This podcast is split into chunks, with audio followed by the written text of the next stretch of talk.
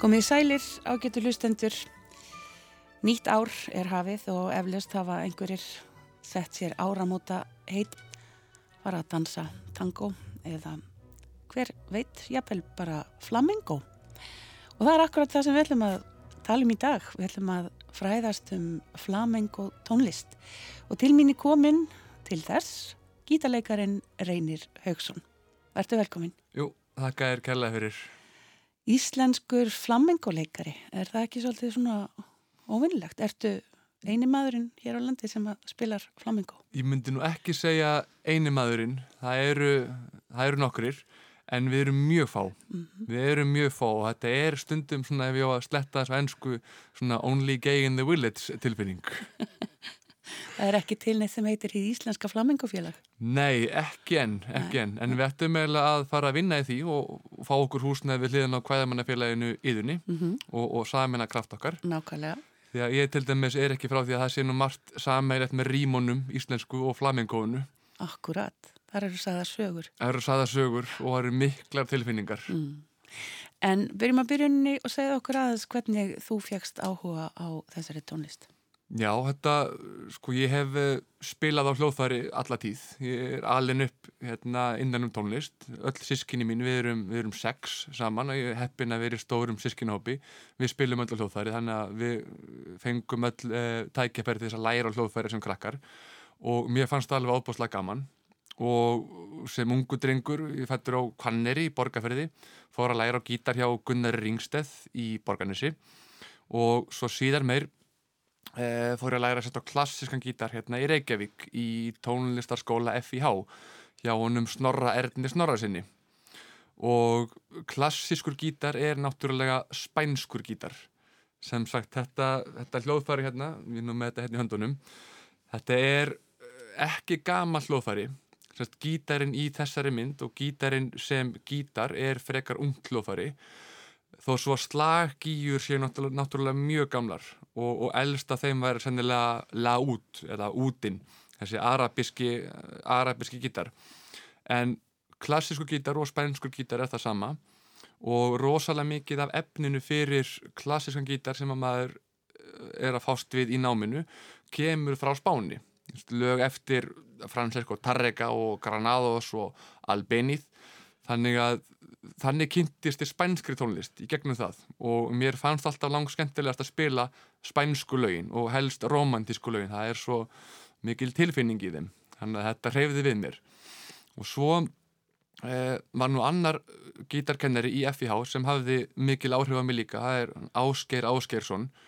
Og hann hefur einmitt verið að fást mjög mikið við etníska tónlist Hann hefur spilað mikið tónlist frá, eh, frá Búlgari og bara öllum Balkanskaga og, og Tyrklandi og, og Íran og ég veit ekki hvað og hvað. Og þannig fekk ég þessa tengingu við etníska tónlist.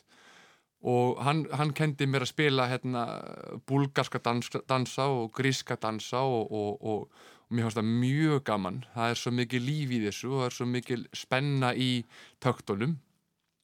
Og balkanstónlist, helst frá Búlgaríu, hún ámart sameigilegt með flamenco.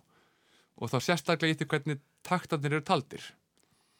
Og nú veit ég ekkert hvort að sé ekkur nákvæm tenging á milli Búlgaríu og, og Spánar en tengingin gæti verið síkunar út af því að balkanstónlist að ég best veit eh, hefur mikið með síkun að gera. Síkunar hafa haft mikla áhrif á hana.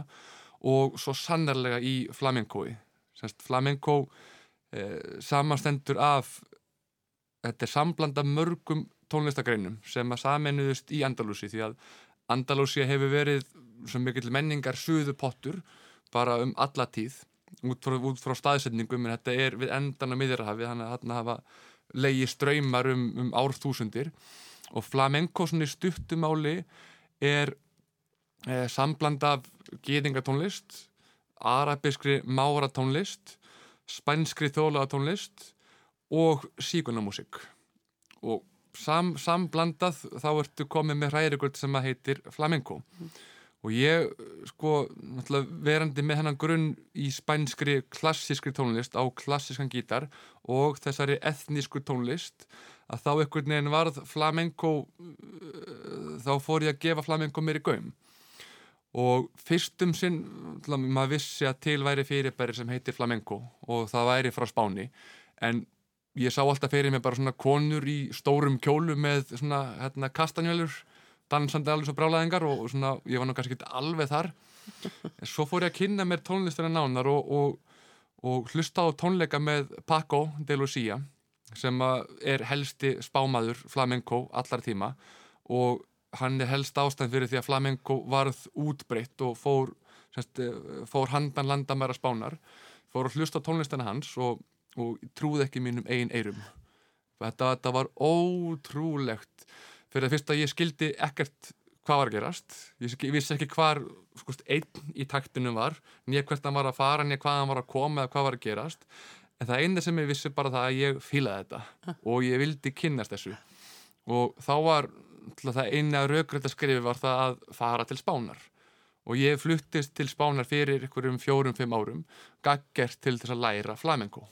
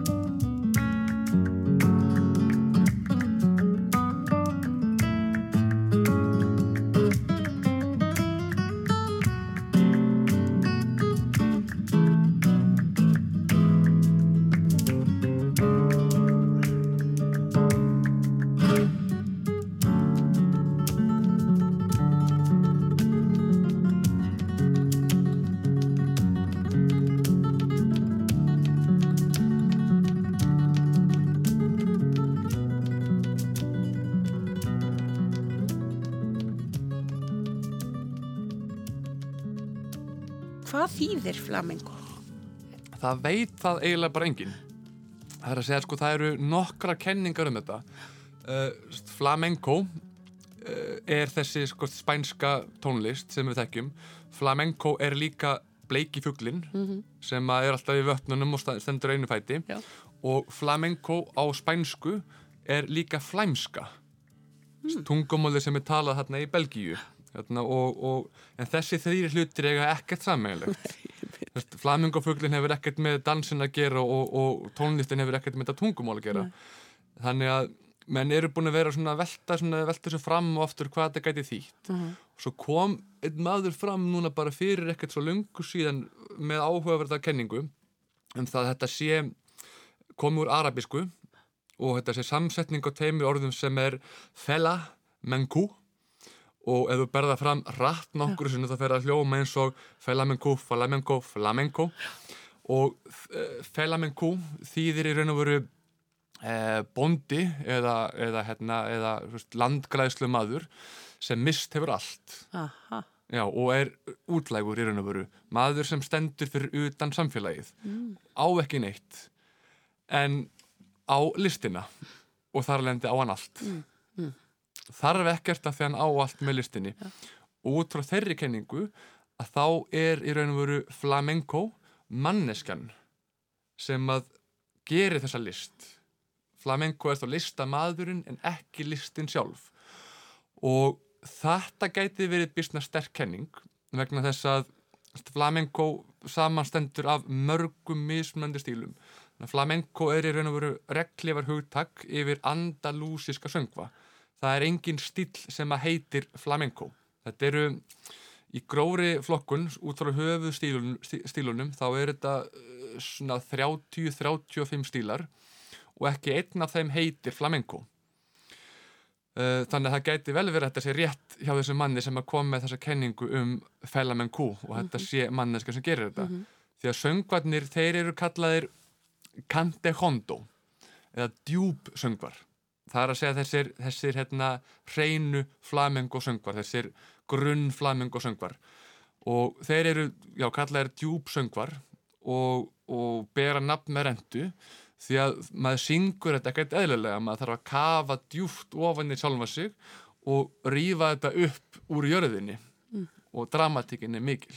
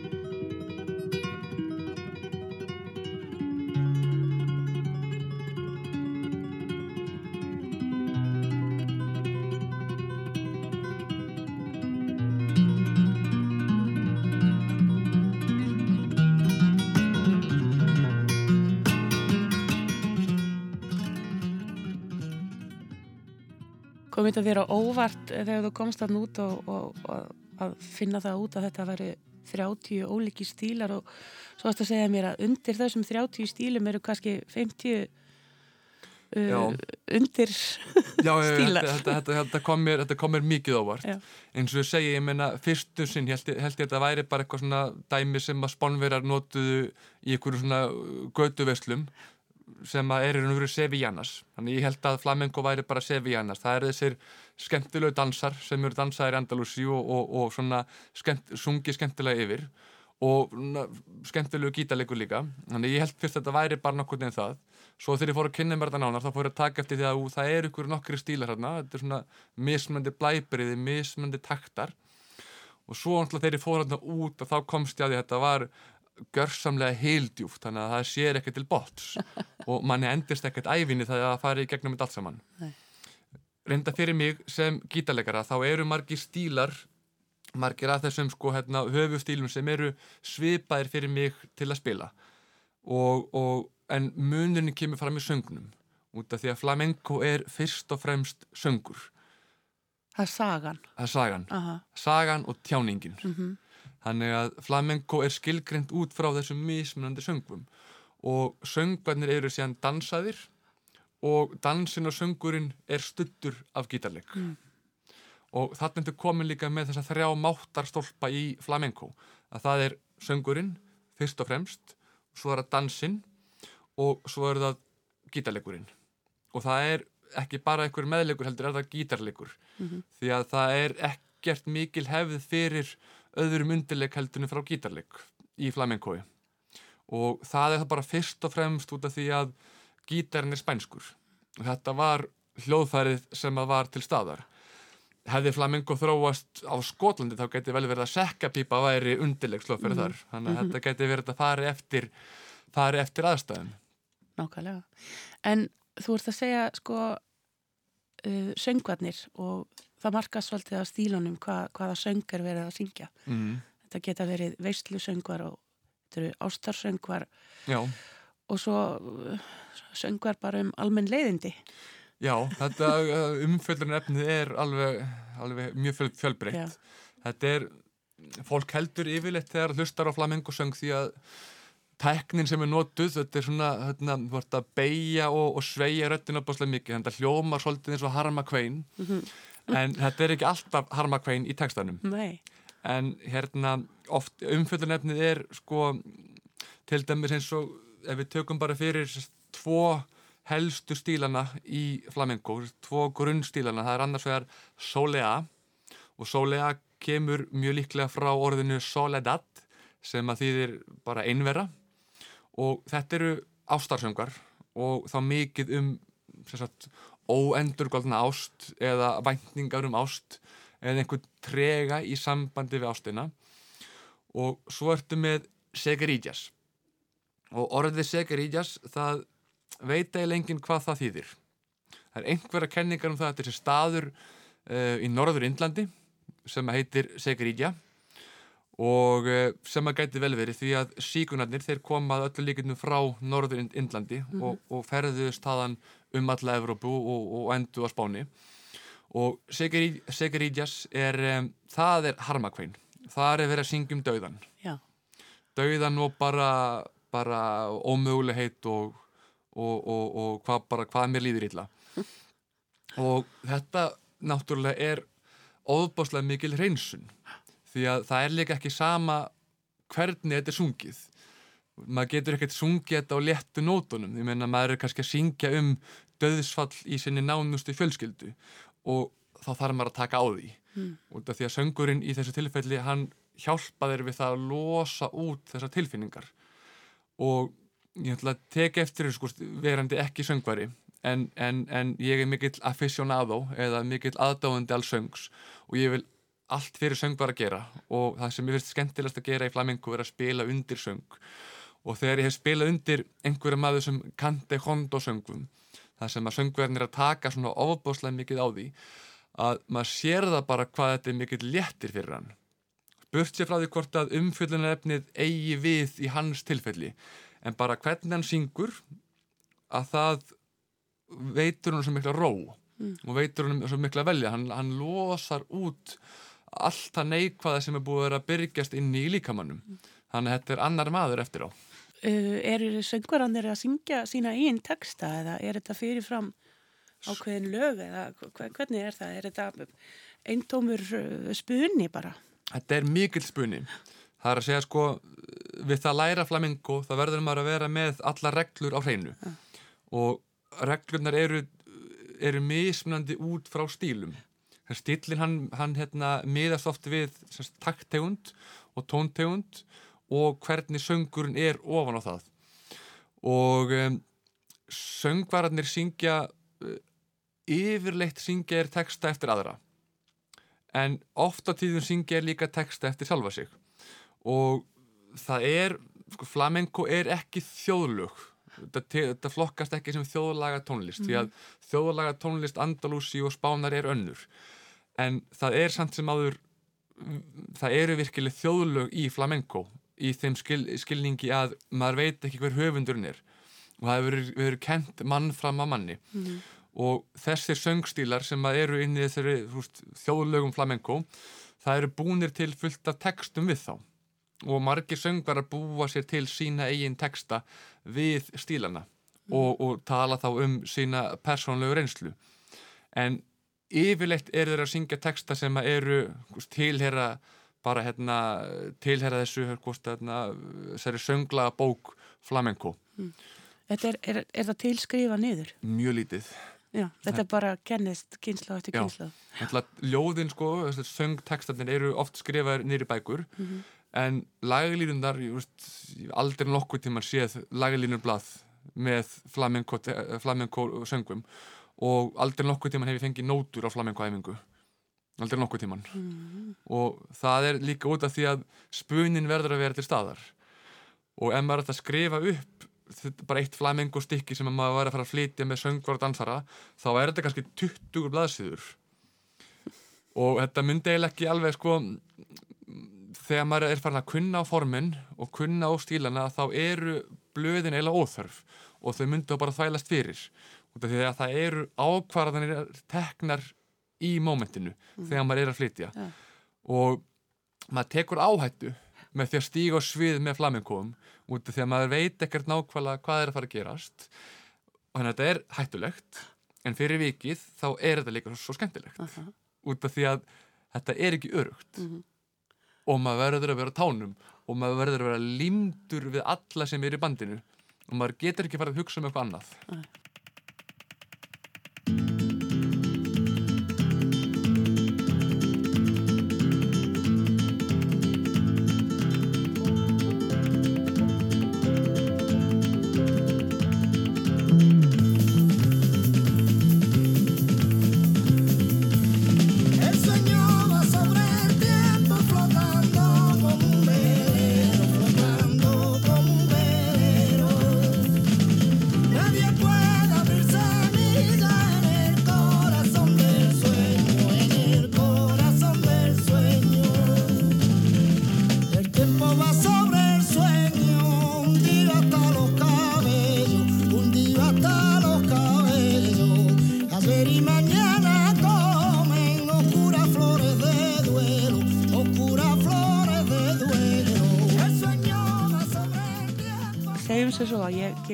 eitthvað á gítar sem ég kann ekki og væri að koma í minn fyrsta flamingotíma til þín. Já, Hvað er að fyrsta sem ég þarf að læra?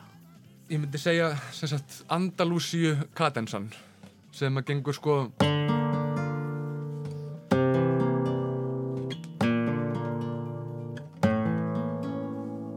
hljómagangur sem gengur niður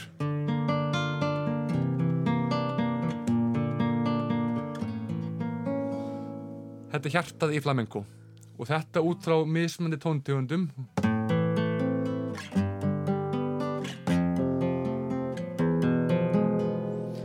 Þetta er hjartað í flamenco. Þetta er það sem að maður er alltaf að vinna með. En svo aftur á móti er, eru mögulegarnir endalusir með þessum fjórum hljómum. Þú veist, ef ég útskýrði þetta fyrir fólki heima þá er þetta raun og veru sko, tökum bara sem dæmi, þú veist, það er D-mól C-dur B-stúr og A flamenco. Ég veit ekki alveg hvað maður á að kalla hann á íslensku það er ekki til orð því þetta er þú getur kallað kalla þetta forhljóm en þetta er það samt ekki. Og það sem er svo mikilvægt í flamenco það er þetta hérna. Spenna. Hérna er ég komin heim. Það, það, það, það ómstriðjast af öllu og út frá þessu þetta er grunnurinn í sko, langflestum flamenco stílum þetta er tóntegund sem maður myndi kalla sérst, fríkisk en samt eiginlega ekki, fríkisk með svona smá, smá hérna, aðlögun. Og, og svo út frá þessu þá ertu með ótal stíla út frá til dæmis bara taktinum. Hún getur verið með hérna sko uh,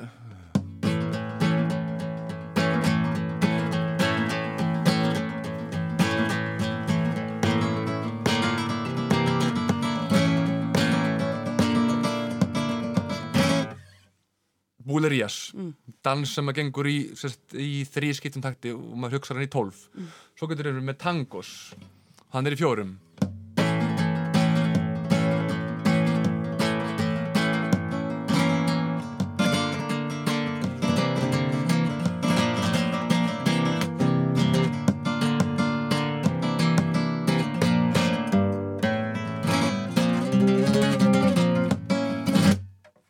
hvernig er vinna að fara með sömu hljómana en maður er komið með aðra tilfinningu? Svo getur við verið með þetta sko aðeins frjálsari takti til dæmis þú tækir hérna Seguirillas hann væri þá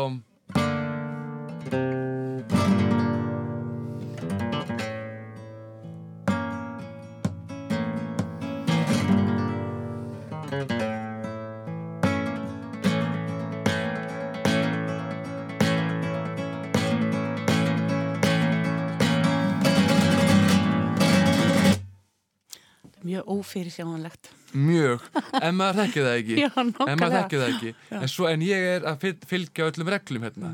Það, og það er ákveði sko til dæmis hvernig maður byggir hvernig maður hugsa taktana.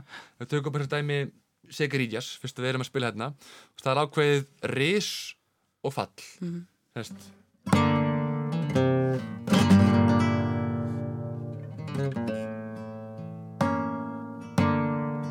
og fram og tilbaka Og það er það sem dansarinn er að gera. Já, og söngvarinn og og, söng- já. og allir. Þú veist að maður, sko stígur fram og opnar sig Mhm. og lokar. Mm. Og þess vegna er líka svo mikilvægt að fylgjast með dansinum því að hann gerir þetta allt sjónrænt. Maður séð þetta sko þeir eru stíga fram og svo er jakkin tekin og lokað. Þetta er svona ég er að gefa þetta og ég tekað. Þannig að þú getur ekkert búist í að þú fáir allt sem þú vilt. Akkurat. Það bara, það Það kemur, sjálfsögðu ekki. Na, það, það kemur þegar það á að koma. En þú ert ekki bara, sko, ert að slá strengina, þú ert, ert sláversleikarinn líka Í raunum veru, í já. bandinu. og það er það sem er svo skemmtilegt við flamenco það eru allir slæðversleikarar í bandinu Já. þú ert með sko það dansarinn og þessi sérstaka danstekni við það að stappa niður fótunum þeir eru að markera taktin líka og söngvarinn þegar hann er ekki að syngja að þá slæðir hann taktin líka. Og gítarinn svo sannarlega. Veist, það er hérna maður er, hægri hendin er að vinna óbærslega mikið í, í rithmanum og það það gerir maður, það, þar kemur inn þessi sérstaka gítartekni sem er notuð í flamenco sem að ég held að sé bara hverju annars þar sem að maður er að banka í kassan og, og og hérna, hægri hendin er í rosalega mikill vinnu hún er alltaf að gera eitthvað, alltaf að skapa hreyfingu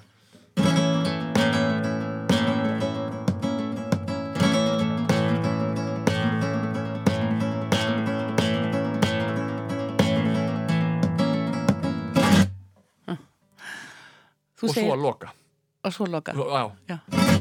það er svo mikilvægt maður er að opna það og loka það, Ah. taka það til sín Hvað hva tók þetta þig langan tíma að ná þessum grunn atriðum þangar til þú gast eh, farið að, að að koma fram? Sko, ég hérna, ég, ég, ég veit það ekki, sko, ég, ætla, ég kunni á, á gítar áður en ég fór út og, og vinstri hendin á, á, á gítarin er alltaf eins, þannig að ég var með þennan grunn og ég meina, just, var með skilurust taktskinn og, og tóneira, þannig að, og mikinn áhuga, þannig að þetta kannski tók mig ekkert eitthvað ofbósta langan tíma.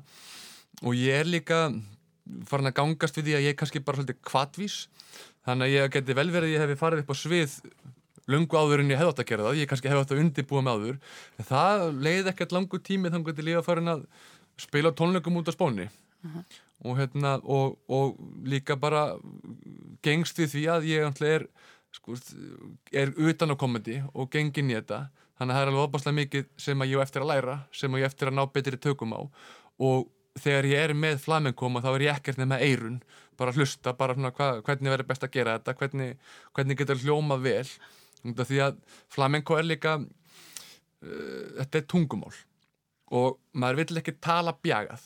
Maður vill tala skýrt og maður vill ekki vera með þetta alltaf mikinn útlendingar hreim þegar maður spilar þetta En þú kallar sjálfa því þú ert með svona sviðsnafn þannig úti, reynir, reynir til norti, Já, Já. reynir del norti það hérna sko reynir að norðan, reynir, já, eða reynir norðursins reynir myndir- norðursins, já, já. það hérna út af því að sko spánverjar, sko andalúsi menn þeir, þeir tala um sko að hérna norður spán, þeir tala um það sem norðrið, hið mikla norður.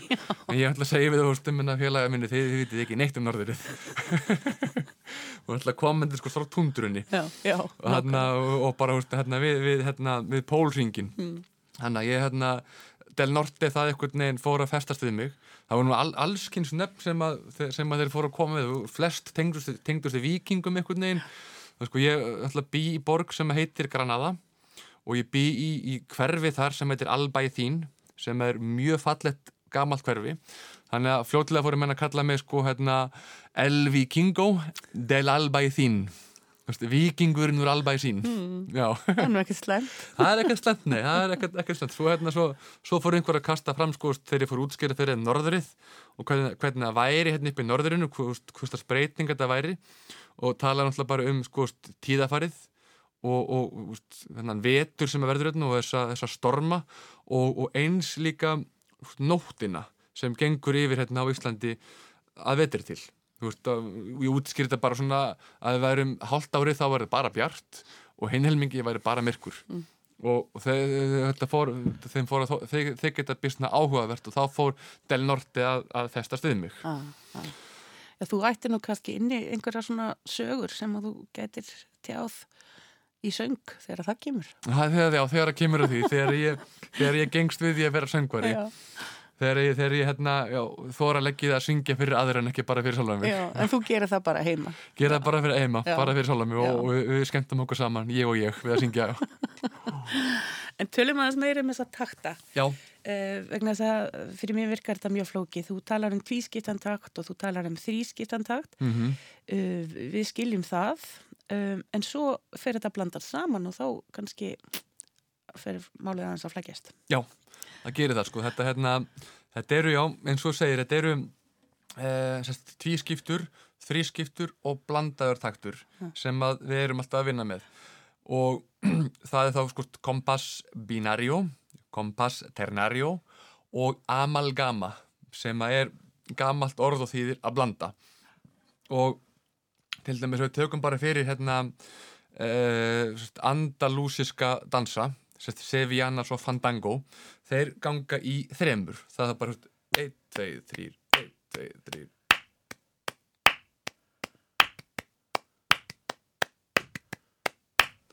og það bara gengur bara alltaf saman bara 1, 2, 3, bara eins og þekkjum bara vals og þetta er, bara, er bara vals. Og svo ertu með hérna kompass binario og sem að gengur yfirlt í fjórum. Og það er þá til dæmis eins og í tangos. Og skulum ekki rögla tangos við tango.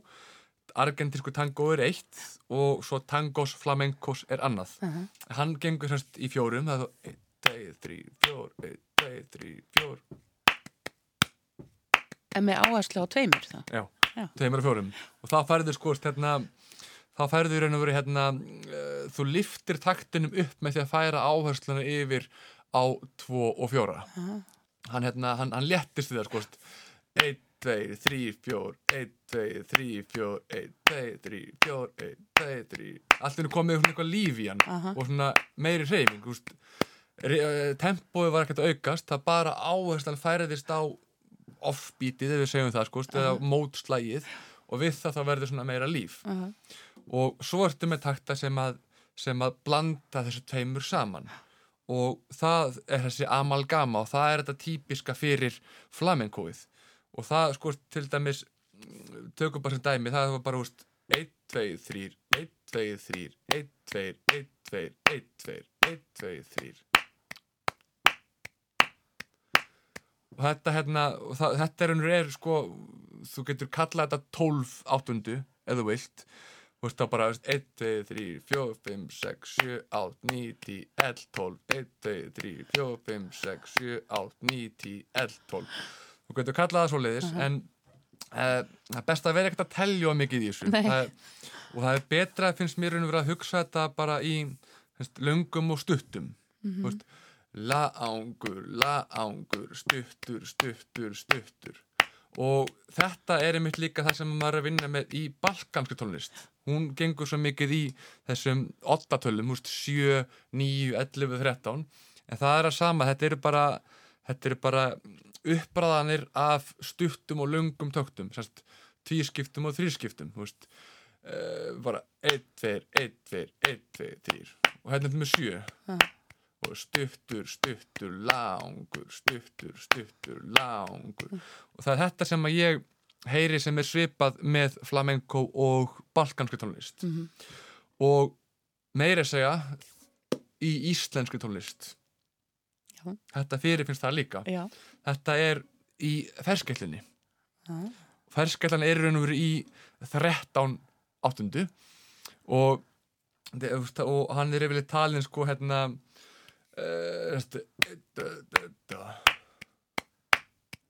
og stað á Hani, krummi, hundur, svín, hestur, mús, tittlingur 1, 2, 3, 4, 5, 6, 7, 8, 9, 10, 11, 12, 13 1, 2, 3, 4, 5, 6, 7, 8, 9, 10, 11, 12, 13 Þannig að þetta er víða í etnískri tónlist.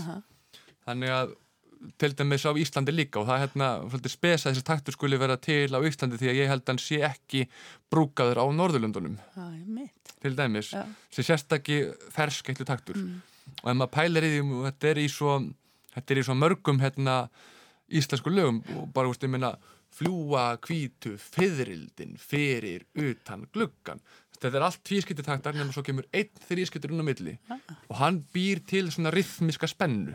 Þá, þá er komið eitthvað líf í taktin og þá er hann ekki sko, þá er þetta ekki bara eitthvað púls veist, það er eitthvað að gerast í taktinum.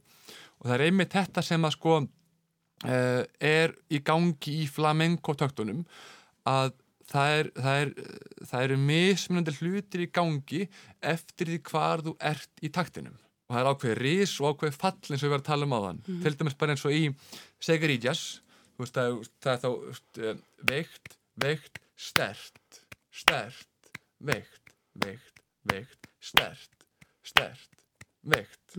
Og svo eins og í hérna í í hérna til dæmis Sólea hún gengur hérna hún er með þetta sama sko þrískiptur og tvískiptur nema hún er með smá tvisti sem er mjög skemmtilegt. Hún, hún gengur hérna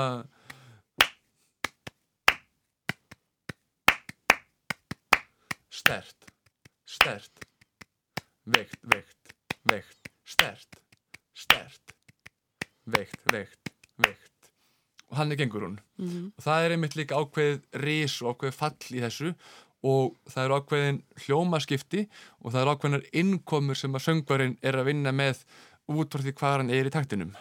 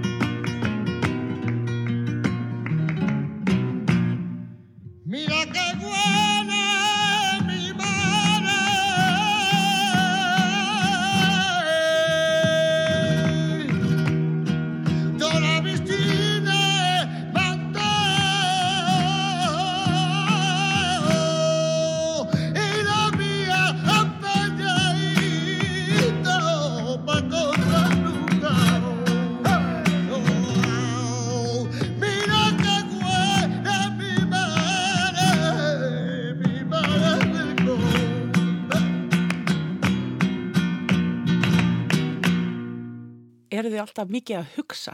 Nei, nei, Nei, nei, burtu með allar hugsanir bara, með allar bara, hugsanir. bara það er ekki það er, það er ekkert að gera þarna nei, nákvæmlega. Það bara tilfinning Það þetta er bara tilfinningin. Já, tilfinning og innsægi Og þetta, og þegar allir eru einhvern veginn svona í þessir þrýr, söngvarinn, dansarinn og gítarleikarin, Já, að það er allir að fara eftir sömu reglunum og, og svo bara, Já.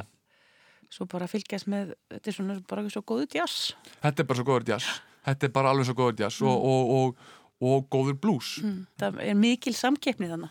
Já, já, já, já, já, alveg svakaleg Já. alveg rosaleg Já, er það? Jú, jú, jú, hungrað fólk það, en það er samt ég finn fyrir miklu bræðarlagi mm -hmm. Úst, jú, ég menna það hérna, sko, það verður bara viðkynast að flamenkóar flamenkóar, þeir þeir fá hvergi verð borgað enn í sínu heimalandi Ah, og þeir fá hvergi verð borgað enn í sínu heimafylki sem er Andalúsía og það helst líka bara saman við efnahægin þar. Ég meina, Andalúsía er ekki ríkt af efnum, það er ekki ríkt í peningum.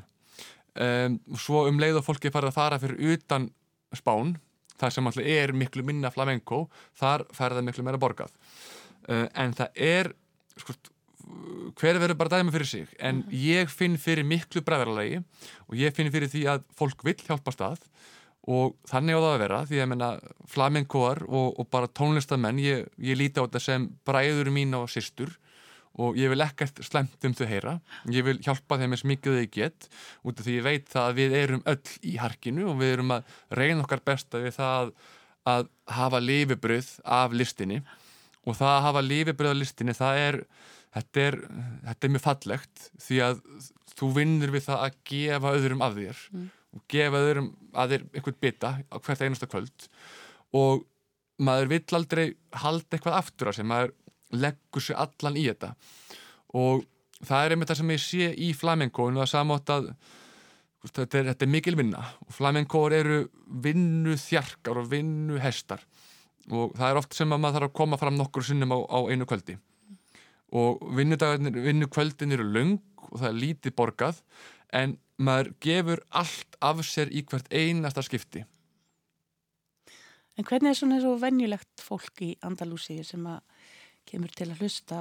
Er það að dansa líka? Eða er það, hve- hvernig, tekur það þátt? það kemur alveg fyrir það sko, Kunna allir bara flamengo? nei það hérna, ég, ég ætlum ekki alveg að segja það það er hérna, en vissulega margir og sko fyrst og fremst síkunar í Andalúsi það, ég get nú eiginlega bara alveg fullið það að eiginlega bara allir af þeim þeir hafa eitthvað fram að færi í flamenkói þekkja sögun einhver leiti kunna að klappa taktana svona flesta og kunna kannski kannski nokkur erindi í ykkur söngvum.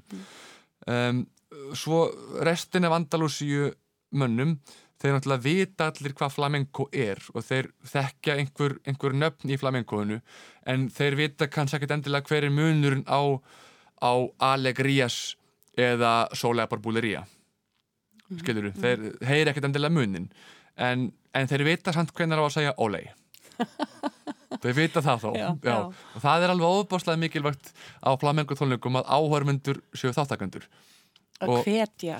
hvetja og, og svona og ég menn ef þú kannt að klappa taktana þá bara klappa það með. Þú bara ert, bara ert velkomin og hérna passaði bara að koma rétt inn. Það, bara, það er einu sem ég byggðum og jú, þeir svona hafa sko, þeir hafa miklu meiri insinn inn í þetta heldur en heldur en við nokkuð tíman og, og, og vita það að það má alveg sko, það má alveg kalla ólei á tónleikum. Og svona stemningin á tónleikum á spáni er ekkert rosalega formleg. Það eru hróp og köllur úr áhörundum og, og bara svona, bara gaman, bara fólk er að skemmta sér. Og það fer svona svolítið eftir sko hvernig staðurinn er uppbyggður en það er oft fólk sem stígur upp og dansar. Og hreyfir sig í ykkur ringi og svona og bara er að hafa gaman. Og, og kemur sér alveg upp að sviðinu og, og, og þakka fyrir. Og svona bara svona alveg svona og baður út í höndunum, þetta var æðislega, takk fyrir. Og svona, og að því fólk er bara að skemmta sér. Og flamenco fyrir mína parta á fyrst og fremst að vera skemmtilegt. Þó þetta sé vissulega harmakvein og allt það og það eru mikla tilfinningarnir í gangi.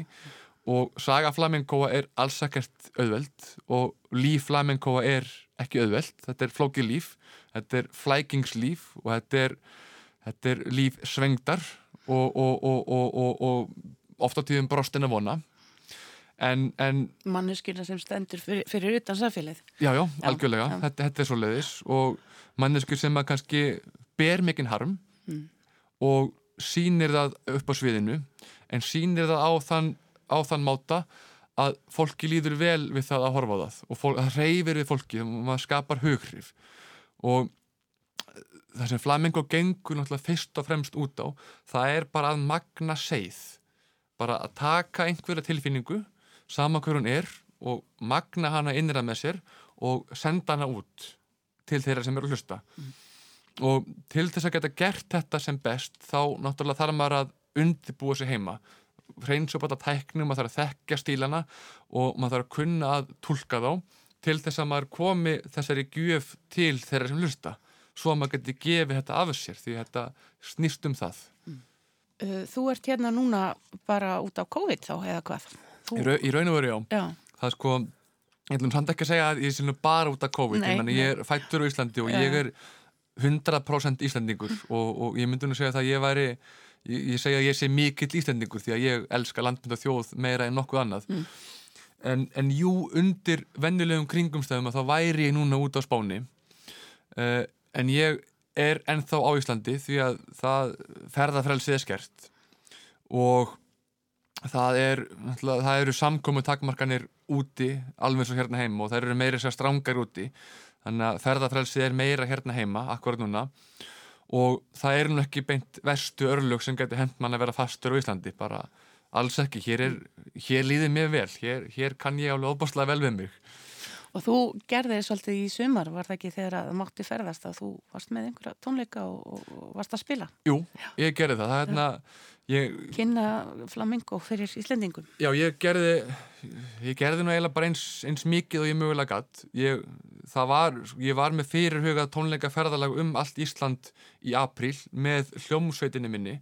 Ég, ég satt gáð plötu í fyrra fyrir síðustu jól og ég ætlaði að fylgja henni eftir í mars og apríl með sagt söngurum og dönsfurum og, og slagverki og öllu saman og við ætlum að hafa vola gaman og vera með dansnámskeið og, og fullt af sýningum og, og ægileg gleði.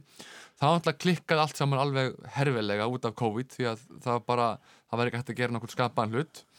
Og, ég var einmitt úti á spáni þegar að fyrsta bylgan reyði yfir. Svo kom ég til Íslands þegar henni lauk og það var svolítið skrítið því að sko svona setni parturinn í júni og júli þá var svona svo COVID að það er bara búið. Fólk, fólk, fólk var ekkert að pæli og svo lengur, nei, nei, þetta, bara, þetta var bara eitthvað sem er gangi í vetur og, og, og núna er þetta bara búið. Þannig að þessi betur fyrir að þá nýtti ég tækifærið út af því að ég var líka bara orðin soltinn í tónleika það að, að vera upp á sviði að spila. Þannig að ég nýtti fyrsta tækifæri við það að, að spila. Þannig að ég fór ringin um landið og, og spilaði út um allt bara eins við á ég gatt og ég held að ég hef spilað okkur um 20 tónleikum bara í júli og svo alltaf bara dundu hörmungarnir aftur yfir okkur. Strax bara um verslunumanna helgina þannig að og, og, og ennum sinn erum við einhvern veginn í við erum svona svolítið í limbóinu. Við vitum ekki alveg hvort við erum heimsetta helju. En hvernig eru Íslendingar að taka uh, þessari tónlist? vel, Mm. bara mjög vel. Ég, já ég myndi segja það bara mjög vel. Og mjög forvitnir um þetta því að þetta er náttúrulega mjög spes fyrirbæri og flestir sem að ég spila fyrir náttúrulega hafa ekki hafa ekki heyrt þetta áður. Og þetta hljómar framandi það verður bara viðkennast þetta þetta er engu líkt. Og þannig að fólk fólk er þetta og fólk vil vita meira og, og, og, og fólk er að taka þessu bara mjög vel. Og fólk er að nálgast mig og spurja mig út í þetta og, vill vita meira og vill kynnast þessu betur. Þannig að ég, ég er bara mjög fegin því það gleður mig alveg óbáslega mikið því að ég, þetta er það sem ég þrái af öllu hjarta það er að geta kynnt þetta vel fyrir, fyrir Íslendingum og, og, og, og helst myndi ég vilja vera með félaga hérna á Íslandi sem að kynna að syngja og, dansa og við getum bara verið með bara svona flamenco band hérna á Íslandi Nákvæmlega.